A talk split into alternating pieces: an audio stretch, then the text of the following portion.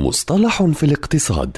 في كل حلقة يطرح المدون وصانع المحتوى الاقتصادي مجدي النوري مصطلحا اقتصاديا محددا بلغة سهلة وبسيطة.